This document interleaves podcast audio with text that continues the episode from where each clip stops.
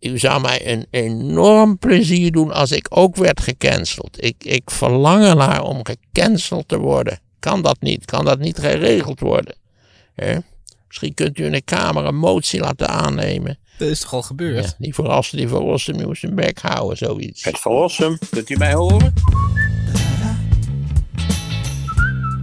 Vind je deze podcast leuk? Vergeet je dan niet te abonneren op ons kanaal. Dat doe je op Apple Podcast en op Spotify. Bij Churchill waren wij gebleven bij het begin volgens mij van de Tweede Wereldoorlog. Ja, uh, dus we zitten nu in mei 40. Um, en, en, dat is eigenlijk, uh, hij wordt dan uh, prime minister. Er was nog even een gesprek over wie dat worden moet. En Lord Halifax was lid van het Hoge Huis en die die was eigenlijk populairder in de, in de Tory Party, maar, maar Halifax zei ja, vanuit het Hoge Huis kan ik geen prime minister, goede prime minister worden. Dus doe Winston maar. Dus zo is het Winston Churchill geworden.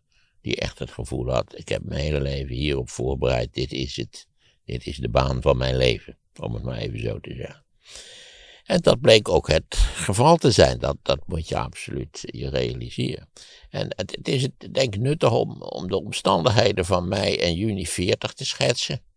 Omdat natuurlijk eh, ja, de meest dramatische gebeurtenis van dat moment was de val van Frankrijk.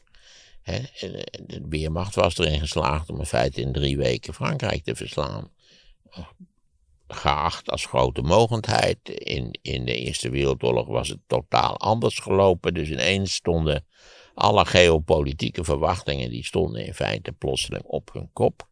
Uh, Frankrijk, dat was duidelijk, zou op korte termijn capituleren. Hij was niet in staat om effectief eh, partij te geven aan de Weermacht.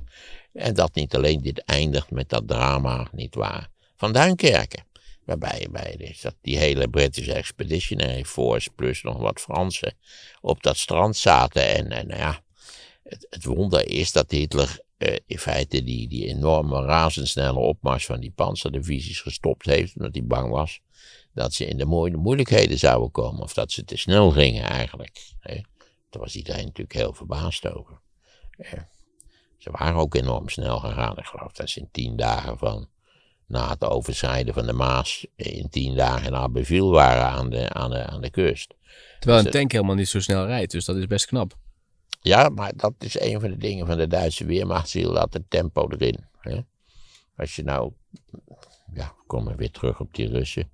Als je erin slaagt om, om een, zeg, een tankopstopping van drie weken te veroorzaken, dan weet je al dat er op een of andere manier tactisch, maar wellicht ook strategisch iets honderd mis is gegaan. En ja, die, die, die, die modus operandi van de Weermacht was aanvankelijk een, een, ja, enorm verrassend voor iedereen die ermee te maken kreeg. Het heet ook Blitzkrieg, terwijl, dat dachten de Duitsers zelf, die, die, die dachten niet Blitzkrieg. Het ging gewoon vlot en de tegenstanders waren incompetent en iedereen was onder de indruk van, van iets wat nieuw was. We hebben het er ook al over gehad dat in de loop van de oorlog de tegenstanders aan begonnen te wennen. En uiteindelijk begrepen hoe je die Duitsers, uh, of hoe je het beste kon verdedigen. En eventueel uh, de Duitsers in het defensief kon sturen. Maar dit, zover waren we nog lang niet. Ondertussen Duinkerken. Dus daar ontstond eigenlijk een, een, een tijdelijke stilte. En in dat, die tijdelijke stilte zijn die troepen van dat Duinkerkerse strand gehaald. Nou kijk naar die film. Waarvan ik begreep eigenlijk dat die film over Duinkerken, dat die een soort onderhuidse brexit-boodschap had, zie je wel. We hebben daar niks te zoeken in dat klote Europa. En we moeten gewoon weg, waarom terug, terug naar huis, dat, dat idee.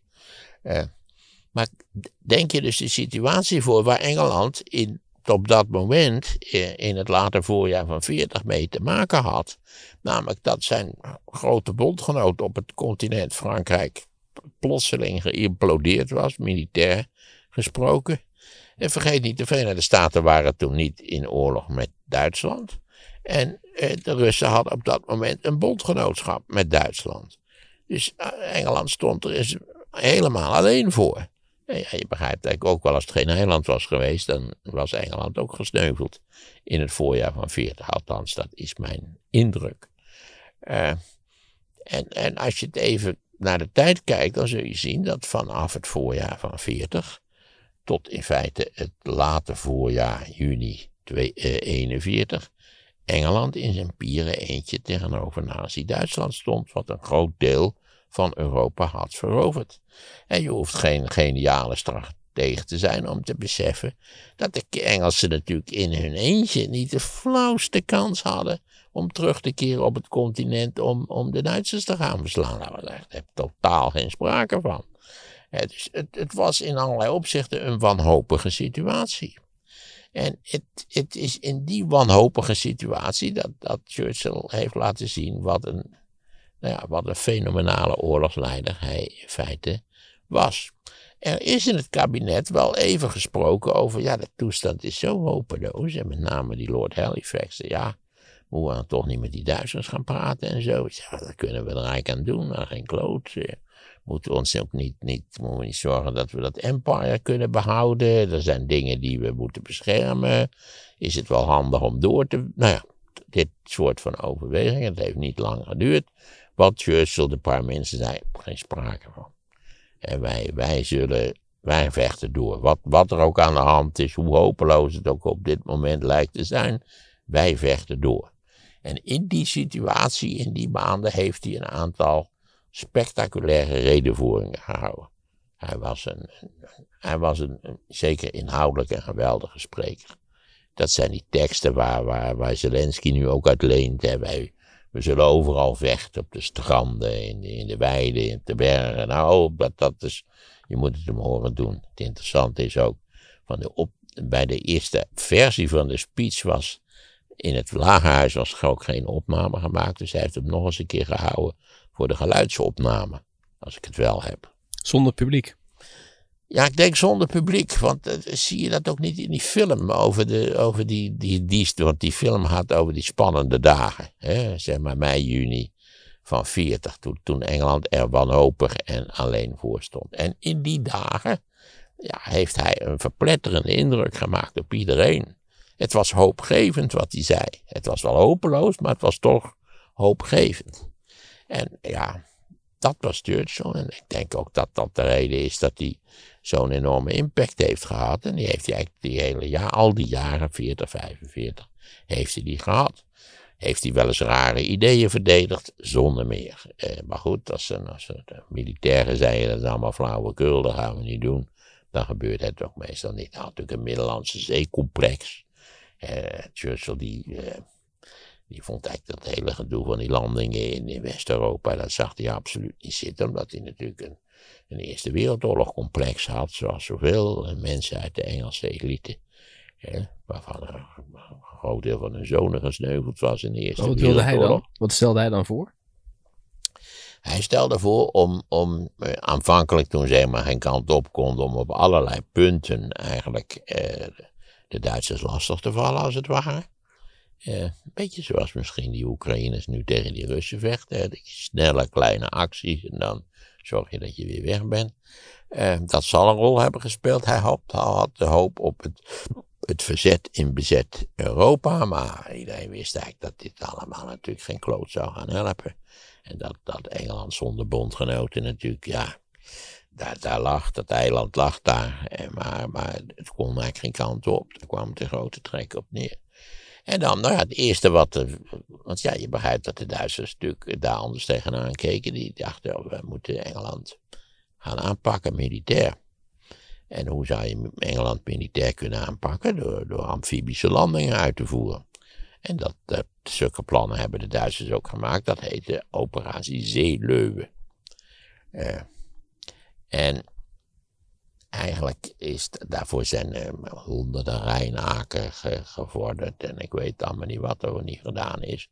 Maar je kunt, eh, in de Eerste, Tweede Wereldoorlog is het al zo dat in feite militaire operaties van enige betekenis zonder luchtsteun niet uitgevoerd kunnen worden. Dat, dat, hè, zijn gewoon wonderlijke dingen in de Oekraïne. Waar is de Russische luchtmacht? Hè? Hoe komt het dat evident de Oekraïnse luchtmacht een soort aanwezigheid is? Niet geweldig misschien, maar toch. Maar goed, in, ook in de Tweede Wereldoorlog zonder luchtsteun was je de klos. Als, als de kansen tegen Duitsland keren, dus in de tweede helft van de Tweede Wereldoorlog, dat hebben die Duitsers ook keurig uitgelegd na de oorlog.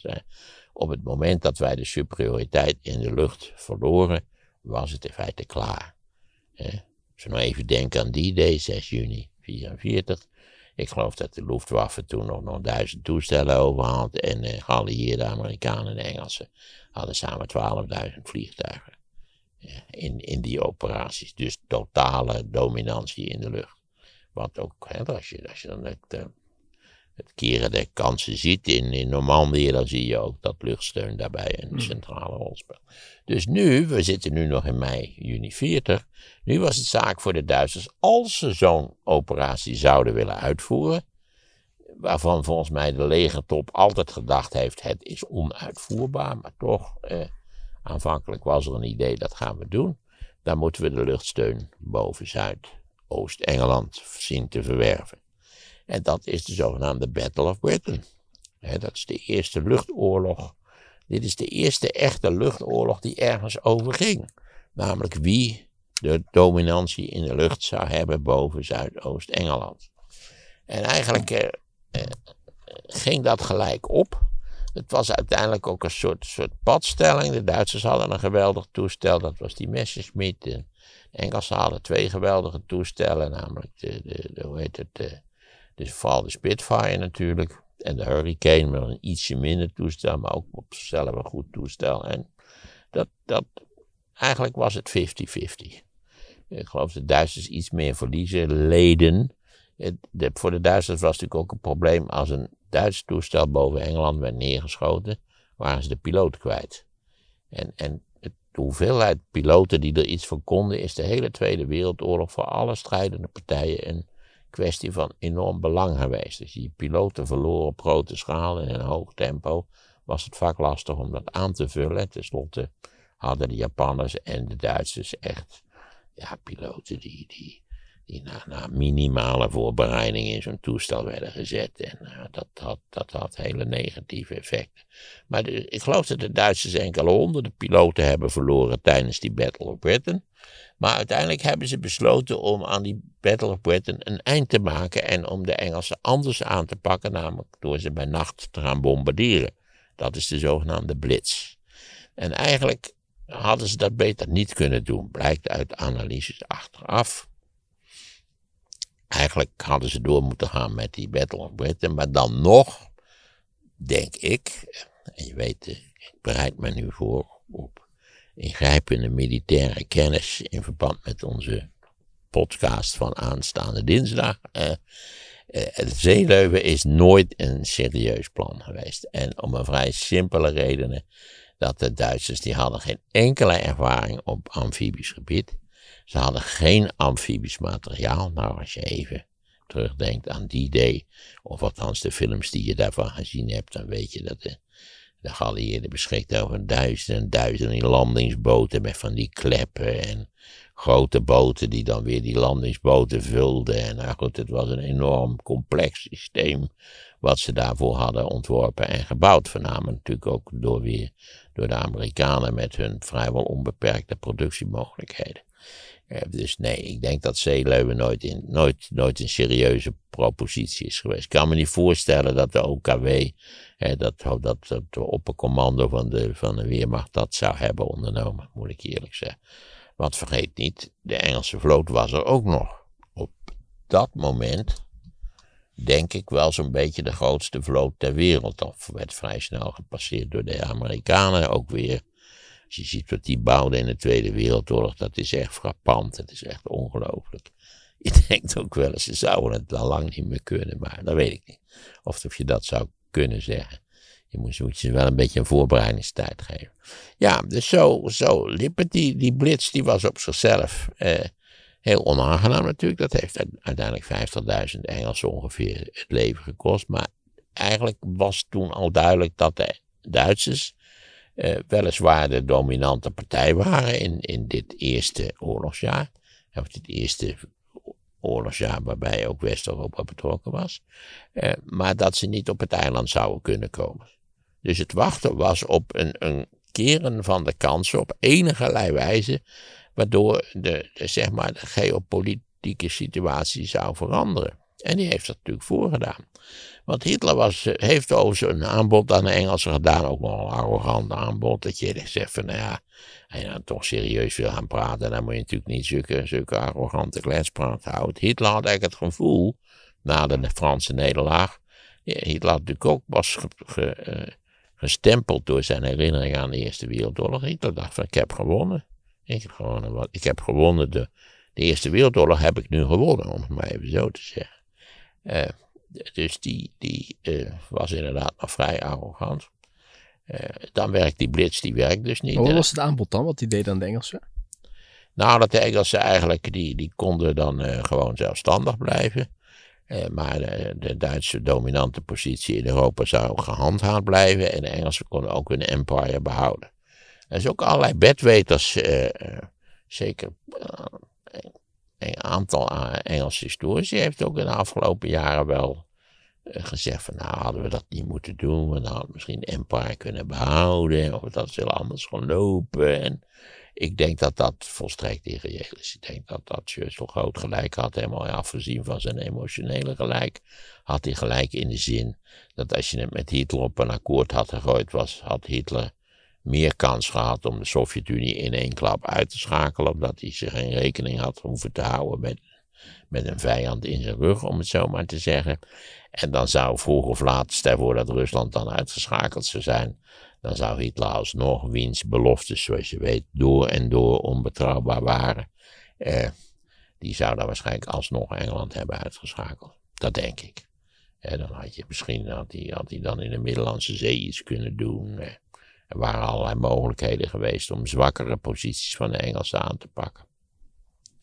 Dus ja, ik denk dat Churchill groot gelijk had om, om maar voor de wanhoop te kiezen die hij hoop inblies met zijn fantastische redenvoering. En hier zie je hoe retoriek wel degelijk historisch een rol van betekenis kan spelen. Um, en Hitler dacht natuurlijk, ja, wat nu? Uh, en dat was typisch Hitler, die, die, begon eigenlijk een oorlog uh, terwijl, die, de, terwijl de ene oorlog niet afgemaakt was, hè, terwijl het ene borduurwerk niet afgehecht was, begon hij aan een nieuw, veel groter borduurwerk, namelijk de aanval op Rusland. Want zijn redenering was, nou ja, dan val ik Rusland aan. Rusland stelt niks voor, dus dat heb ik zo 1, 2, 3 gewonnen. Dat denken die lui ook altijd. Hè. Hij begreep er eigenlijk niet zo verschrikkelijk veel van. Nou ja, een beetje, beetje Poetin en, en, en, en Kiev. Hè. Ja, dat gaat 48 uur, dan is het gewoon. Waarbij Oekraïne natuurlijk een veel kleiner land wel is, natuurlijk, dan het enorme Rusland. Ja, maar Oekraïne is ook voor onze begrippen ook vrij enorm hoor. Oekraïne is ook groter dan Frankrijk, vergeet dat niet. Je ziet altijd dat kaartje dat je denkt, nou, het lijkt een beetje op Brabant, maar dat, zo, zo, zo zit het helemaal niet in feite. Uh, dus dat, maar het is voor Nederlanders altijd, voor Nederland is, is, grootte een perceptieprobleem. Ik denk dat toch veel Nederlanders, je weet, zijn meerdere malen in Frankrijk met vakantie geweest. En toch denk je, als je op weg bent naar die godvergeten Côte d'Azur, denk je bij Dijon, jezus, het is wel een enorme rit.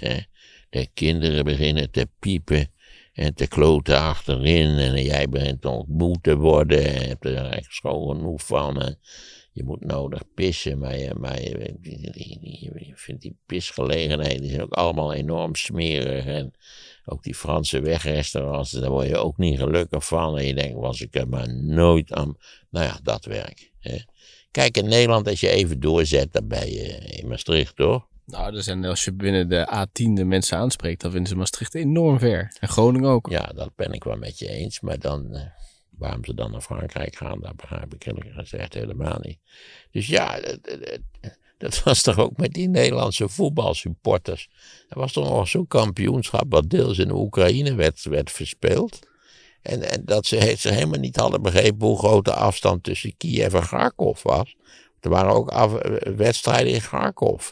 Is dat niet 1600 kilometer of zo? Ja, dat zou kunnen, ja. Ja, nou ja, zoiets dergelijks. Je, je, je, maakt die fout ook altijd in de Verenigde Staten. Dat je denkt, nou ja, als ik het zo bekijk, dan uh, dat, dat, uh, is zo gepiept. En dan blijkt het zeven uur rijden te zijn. Dat is zoiets wonderlijks. Dat in onze Nederlandse hoofden zit als het ware de planeet op Nederlandse schaal. Zo, zo zou je het kunnen zeggen. Oké, waar waren we gebleven? Nou ja, dus Hitler denkt, ja, er zit maar één ding op. Als ik die, als ik die Engelsen tot overgave wil dwingen, dan moet ik ze in feite de laatste mogelijkheid ontnemen om nog geholpen te worden. Hoe doe ik dat? Ik ga Rusland aanpakken. Want als ik Rusland verslagen heb, dat stelt niks voor. Hitler zei aan zandkasten spelen en, en, en, moet je dat, een uh, zandbakkenspel, een kinderspel, stelt niks voor. Dan uh, zullen die Engelsen wel bakzeil moeten halen. En dan, nou.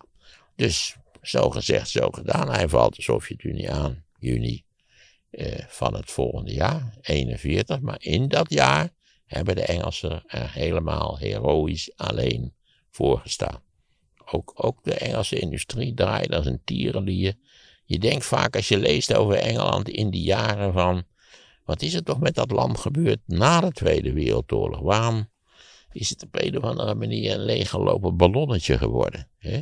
Zoals dat leeggelopen ballonnetje in Winnie de Pooh van Io. Zo, zo, zoiets dergelijks. Een hele fameuze scène, mag ik wel zeggen. Um, ja, en dan zegt het, terwijl, terwijl uh, Churchill was een geharnaste anticommunistische figuur, waar hij groot gelijk in had overigens.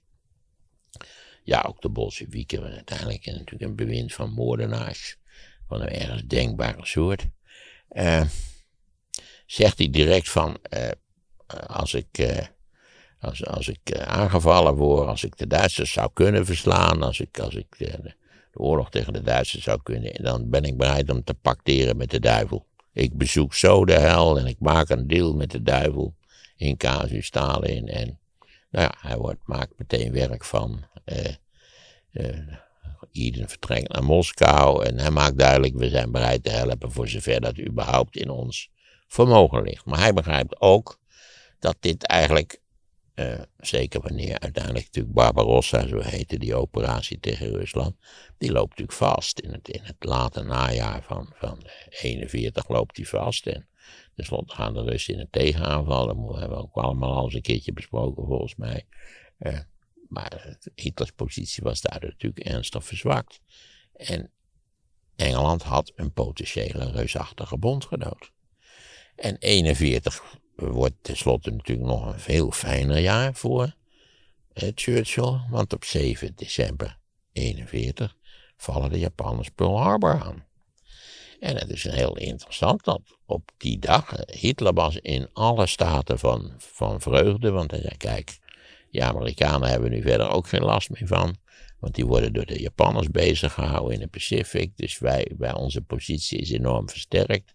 Uit vreugde en opwinding heeft hij stom genoeg de Verenigde Staten de oorlog verklaard, wat hij nooit had moeten doen. Ik geloof op 11 december heeft hij de Verenigde Staten de oorlog verklaard. Ook de, onder, ook de Verenigde Staten onderschatte hij ernstig in allerlei opzichten. En Churchill zegt op die dag hetzelfde. Hij zegt ook iets van: hebben we toch gewonnen? Want hij beseft, besefte wel dat de deelname van de Verenigde Staten eigenlijk de, nou, hele, het hele gewicht, de hele geopolitieke situatie ingrijpend zou veranderen. Nou ja, eh, we moeten dit verhaal ook weer niet te lang maken over Churchill natuurlijk, want dan moet het hele verhaal over de Tweede Wereldoorlog herverteld worden. En volgens mij hebben we dat al eens een keertje gedaan. Hoewel ik nu allemaal enorm interessante boeken lees over de Tweede Wereldoorlog, die we misschien nog eens moeten samenvatten in hun uh, echt ontzettend leuke boeken. Nog wel één vraag over Amerika. Waarom hebben nee, ze ik ben nog lang niet klaar over. Oh, je wil nu een vraag. Ja, een hele korte vraag. Want waarom, waarom heeft Amerika dat moment niets gedaan uh, aan die oorlog in Europa? Omdat uh, dat het hele idee van Amerikaanse participatie hartstikke impopulair was. Uh, het electoraat wilde helemaal niet. Ja, Amerika had vreselijke spijt, of althans ook de kiezers van de Eerste Wereld, deelname aan de Eerste hm. Wereldoorlog. En had natuurlijk neutraliteitspolitiek gevoerd. En eigenlijk voortdurend isolationisme heet dat. En voortdurend gezegd, we willen er niks mee te maken hebben met die klote Europeanen. En ja, toen werden ze aangevallen door de Japanners. Het gekke is dat, dat wat Hitler dacht, dat de Amerikanen zich op Japan zouden concentreren, dat dat eigenlijk helemaal niet het geval was.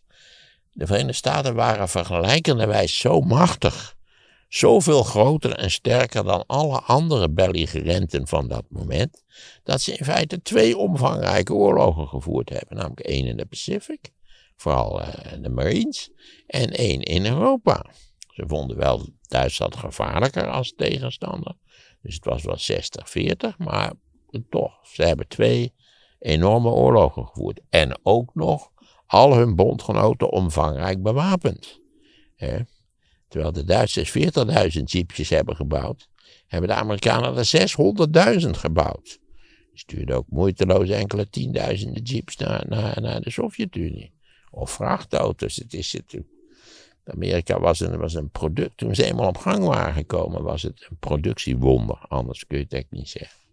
Ehm, waar zijn we nu gebleven? Nou ja, nu, nu was de hele situatie fundamenteel veranderd.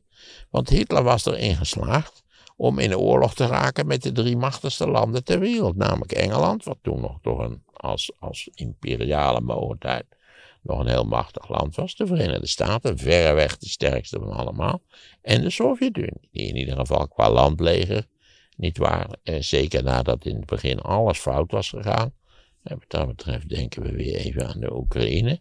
Eh, dus je moet wel oppassen dat je de Russen niet de tijd geeft om te leren hoe je het wel goed moet doen. Daar moet je wel erg voor oppassen. Eh, althans, dat was het patroon in de Tweede Wereldoorlog. Ja, Hitler was, had, Hitler was echt een, hoe zullen we dat nu zeggen? Voordat we allemaal boze brieven krijgen. Hitler was een prutser als strateeg. Hitler heeft, heeft in no time een situatie veroorzaakt waarin Duitsland niet meer winnen kon.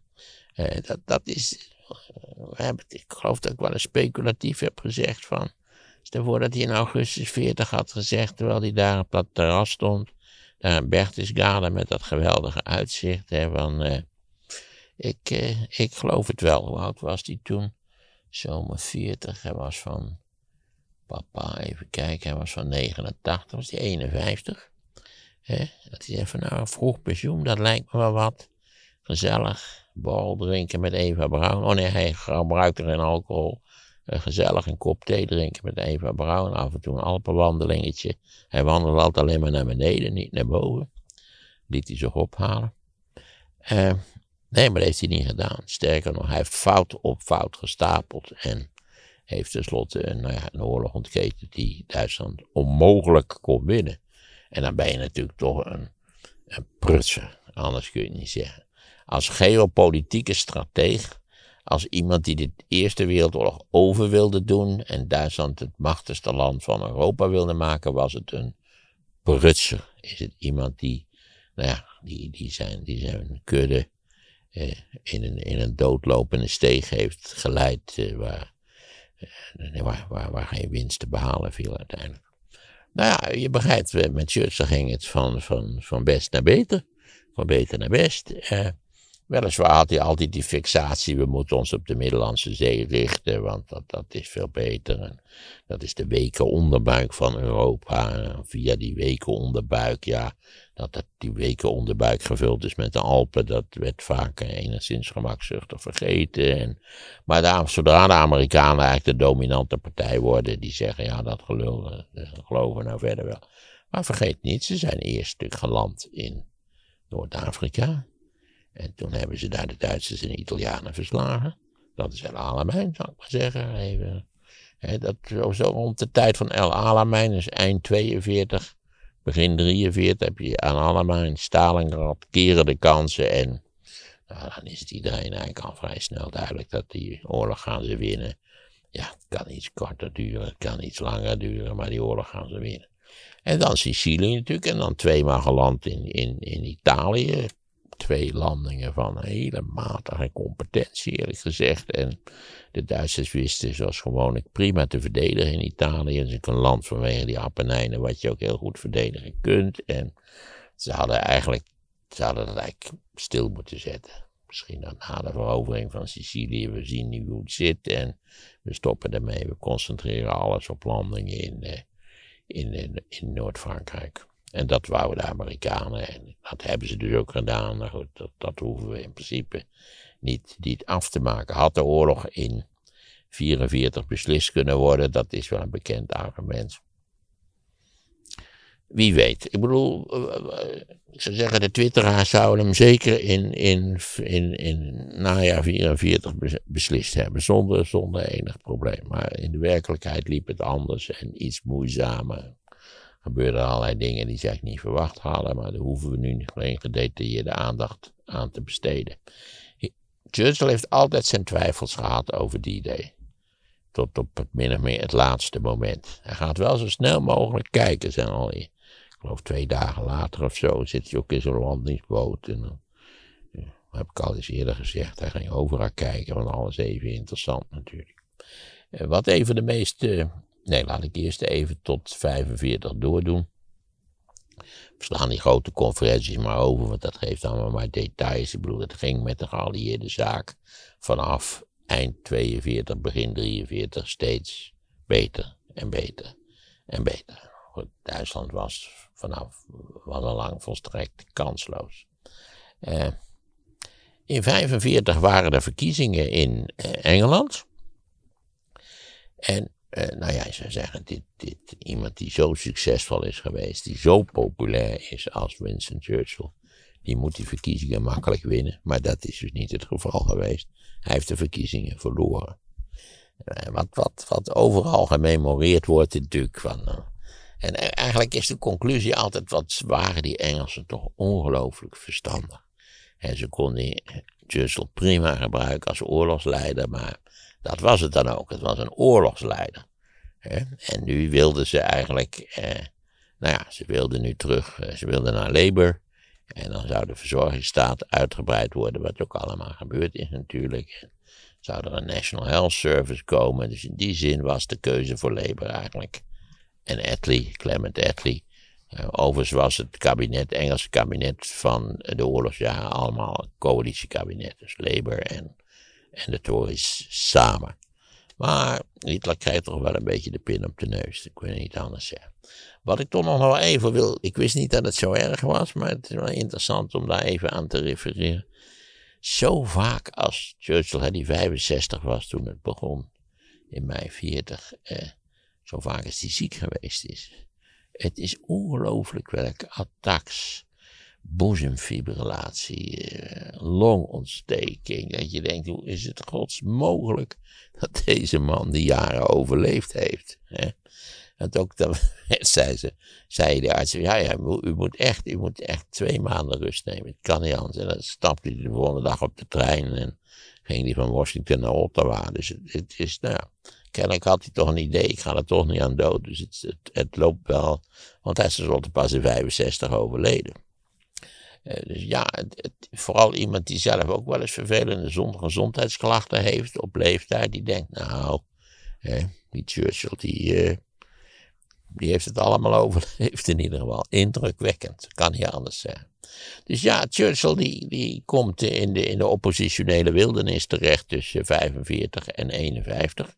Want in 51 winnen de Tories weer. Dat wil zeggen, de Tories verliezen, maar je weet, het is een districtenstelsel en hoe gek het ook klinkt, de Tories verliezen de popular vote, zoals dat heet, maar winnen een kleine meerderheid in het Engelse lagerhuis. En dan wordt uh, Churchill nog eens premier van 51 tot 55. Dat had hij beter niet kunnen doen. Het is natuurlijk wel begrijpelijk en hij vond zichzelf natuurlijk ook, het was Churchill een ijdele man, geheel terecht overigens, maar goed, het was een ijdele man, dus hij vond ik moet het worden. Er waren al veel mensen die zeiden, ja, is dat nou wel verstandig en zo.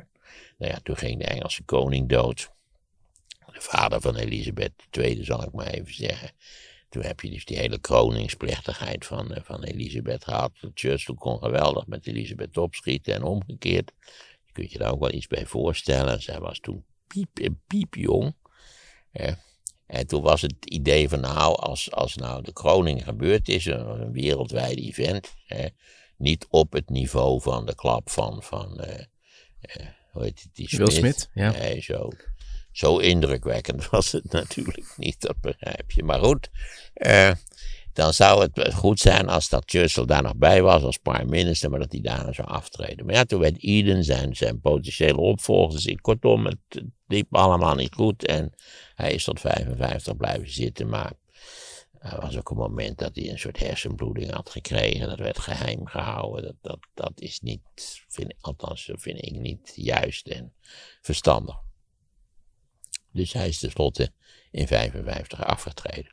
De paradox van Churchill na de oorlog, en, en zeker ook zijn, zijn premierschap in de vroege jaren 50 is, want dat is een punt wat we nog niet aangeroerd hebben, Churchill was een fameus voorstander en liefhebber van het British Empire. Als er nou één imperialist was, dan was het Churchill wel. Hij zag dat eigenlijk als een zegen voor de mensheid. En hij vond ook dat dat, dat, dat empire, dat dat zou moeten blijven bestaan. En toch heeft hij daar ook bij gestaan, terwijl natuurlijk dat empire geleidelijk aan afgebroken werd, eh, afbrokkelde.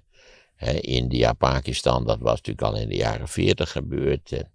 Dan zijn de Engelsen nog twee in feite nutteloze campagnes gevoerd tegen guerrilla-bewegingen in Malakka en in Kenia. En overigens was, eh, was Churchill van die gewelddadigheden geen groot voorstander, maar ja, hij vond het wel jammer dat het imperium bezig was te verdwijnen. Zij dat het vervangen werd door een Commonwealth die in allerlei opzichten nog wel een soort van schaduw was van het, van het empire. En dan komen we natuurlijk aan een laatste belangrijk punt. Je weet, er staat een prachtig beeld van Winston Churchill daar bij het parlement in Londen. Waar hij zo met die, met die regenjas en die stok en zo. Hij, van, van, was een prima acteur als prime minister, was hij een prima acteur werkelijk. dat is ook, kun je ook wel bij het spreken zien. Nou, Hitler was ook in allerlei opzichten. Stalin was zonder meer de meest waardeloze acteur van al deze lui. Vandaar dat hij, nou ja, ik zeggen de grootste moordenaar, maar dat was Hitler natuurlijk ook. Eh, Hitler eh, oefende ook zijn speeches voor de spiegel dramatische gebaren en zo. Ja, ik maak nu, dames en heren, dramatische gebaren waarvan Tom enorm onder de indruk is. Eh, dit, dit, er zijn ook wel foto's van bekend, moet ik zeggen. Zoek het maar eens even op op het internet, zo in de Wikipedia, huppakee. Uh, was een racist. In de zin dat hij dacht dat het plankenras uh, gewoon beter was en meer verantwoordelijkheden dat had. Dat sprak hij ook uit. Dat sprak hij ook uit. Maar, en, en goed, en nu is er op dat beeld, want daarom begon ik erover, is onlangs het, in het in, met wit racist gekalkt. Ah, ja. De cancelcultuur. De cancelcultuur. Churchill is gecanceld. Ja, dus nou ja, dan denk je ook wel aan een Oh, een treurig soort van infantilisme. Als je dat soort van dingen doet, waarmee je, denk ik, alleen je eigen zaken en grote schade toebrengt. Zodat het beeld ingepakt moest worden in een soort houten doos, omdat ze bang waren dat het omvergetrokken zou worden. Dat is wel droevig. Hè? Ik zou maar zeggen, de, de historische, het historisch bewustzijn van de cancelers is wel van een, nou ja, op een kleuterniveau.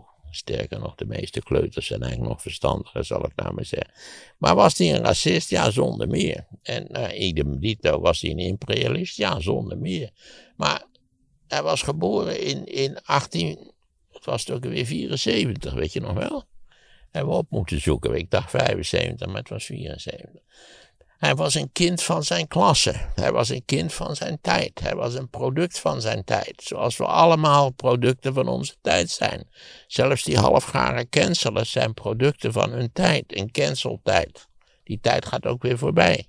Er komt een tijd, lieve cancelers, er komt een tijd over een jaar of wat waar we hartelijk zullen lachen om uw belachelijke idioten activiteiten. Het cancelen van Napoleon, het cancelen van Churchill, het cancelen van Abraham Lincoln. God allemachtig, wie heeft u al niet gecanceld?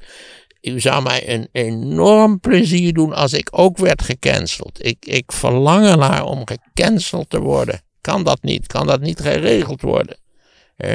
Misschien kunt u in de Kamer een motie laten aannemen dat is toch al gebeurd? Ja, die verrassen, die verlossen, die moest zijn bek houden, zoiets. Je, bent, je wordt iedere keer opnieuw gecanceld. En dan... Oh ja, word je steeds opnieuw gecanceld. Nee, bij jou is dat toch zo? Je werd dat eerst met die vaccinatie en toen... Uh... Ja, dat is ook als... Ja, ik weet niet of je dat cancelen kunt noemen. Ja, nee, je bedoelt uh, internetwoede, bedoel je. Ja, en toen met die Oekraïne-toestand. Ja, ja, ja, god, het is... Uh, ik lees regelmatig hoe is het gods mogelijk dat die... Nou, enzovoort. Ja, en maar, maar zie Churchill in zijn tijd. En ik laat het afsluiten met het feit wat je verder ook van Churchill mogen denken. En in sommige opzichten was het een zonderlinge man en heeft hij gekke dingen gedaan. En hij was een drama voor zijn kinderen in allerlei opzichten. Maar Het gaat om het heroïsche moment van mei, juni 40. En de toespraken die hij toen gehouden heeft, dat is groots. En als u hem wil cancelen, dan bent u geen knip voor uw neus waard. En Zelensky die haalt hem dus nu bij aan. Dus ja, Zelensky, die, of althans een speechwriter, ik weet niet precies wie dat op zijn geweten heeft, die verhalen. Die, het is wel duidelijk dat hij die, dat die, die toespraken, die paar grote toespraken van, eh, van Churchill in, in het voorjaar van 40, dat hij die goed gelezen heeft. Ja. Want Zelensky had ook zo'n verhaal, we vechten in de bossen, we vechten her en we vechten der. Het- het- Ja. Leuk Hoe- gedaan. Hoe kwam het eigenlijk dat, dat hij goed, eh eh, bedoel ik tussen Churchill, dat hij goed wist hoe hij het leger moest aansturen? Want hij heeft zijn hele leven geschreven. Hij zat met de sigaar in bad. Hij was beroepsmilitair geweest. Ah, hij is beroeps. Oké, dus. Hij is niet gaan studeren. Na de, na de, de kostschool is hij niet gaan studeren. Hm. Hij is naar Sandhurst gegaan en officier geworden. Hij wou graag knokken. Dus hij heeft het Hij liet geleerd. zich ook steeds overplaatsen, vaak onder, met de invloed van zijn moeder, daar hebben we het over gehad, naar plekken waar daadwerkelijk geknokt werd. En hij, hij wilde flink op een paard zitten en schieten. En nou ja, hij is beroemd geworden doordat hij gevangen was genomen door de boeren in Zuid-Afrika. En daar is hij op spectaculaire wijze is hij ontsnapt. Ja. Daar heeft hij dan weer een boek over geschreven. Want bij al deze dingen die hij deed, heeft hij een immense productie he- gehad op het punt van historische werken. Hij heeft ook natuurlijk een meerdelige, zeer meerdelige geschiedenis geschreven. Ook wel enigszins met eigen parti pris erin. eh, over zijn rol in de Tweede Wereldoorlog. En heeft tenslotte, ik denk dat dat eh, Churchill even de weinige, zo niet de enige prime minister is die ooit de Nobelprijs voor literatuur heeft gewonnen. Kijk, Obama heeft de Nobelprijs voor de Vrede gewonnen, omdat iedereen zo blij was dat die stomme Bush was opgekrast. Maar Churchill heeft de Nobelprijs voor de literatuur gewonnen. Ik moet bekennen dat ik eigenlijk nooit iets, echt iets van hem gelezen heb. Ik heb wel eens gedacht, zal ik eens kijken. Ik heb ook Dus je weet ook niet of het goed is. Nee, ik denk dat het toch ook in allerlei opzichten sterk verouderd is. Maar hij was een man van grote historische, eh, retorische talenten. Ja. En, en hij was een man die natuurlijk, nou ja, er zijn hoeveel bommo's er wel niet van Churchill bekend zijn. Dat, dat loopt echt in de tientallen. Ja. Dus die van Rossum moest zijn bek houden, zoiets. De sluipschutter. Maarten van Rossum over de Tweede Wereldoorlog. Hè, dus iemand die zich handig verstopte en die elke vorm van beweging bij de tegenstander zou kunnen afstraffen. Download het luisterboek via de link in de beschrijving. En de Duitsers hebben ook het, de primeur gehad van het gebruik van gifgas.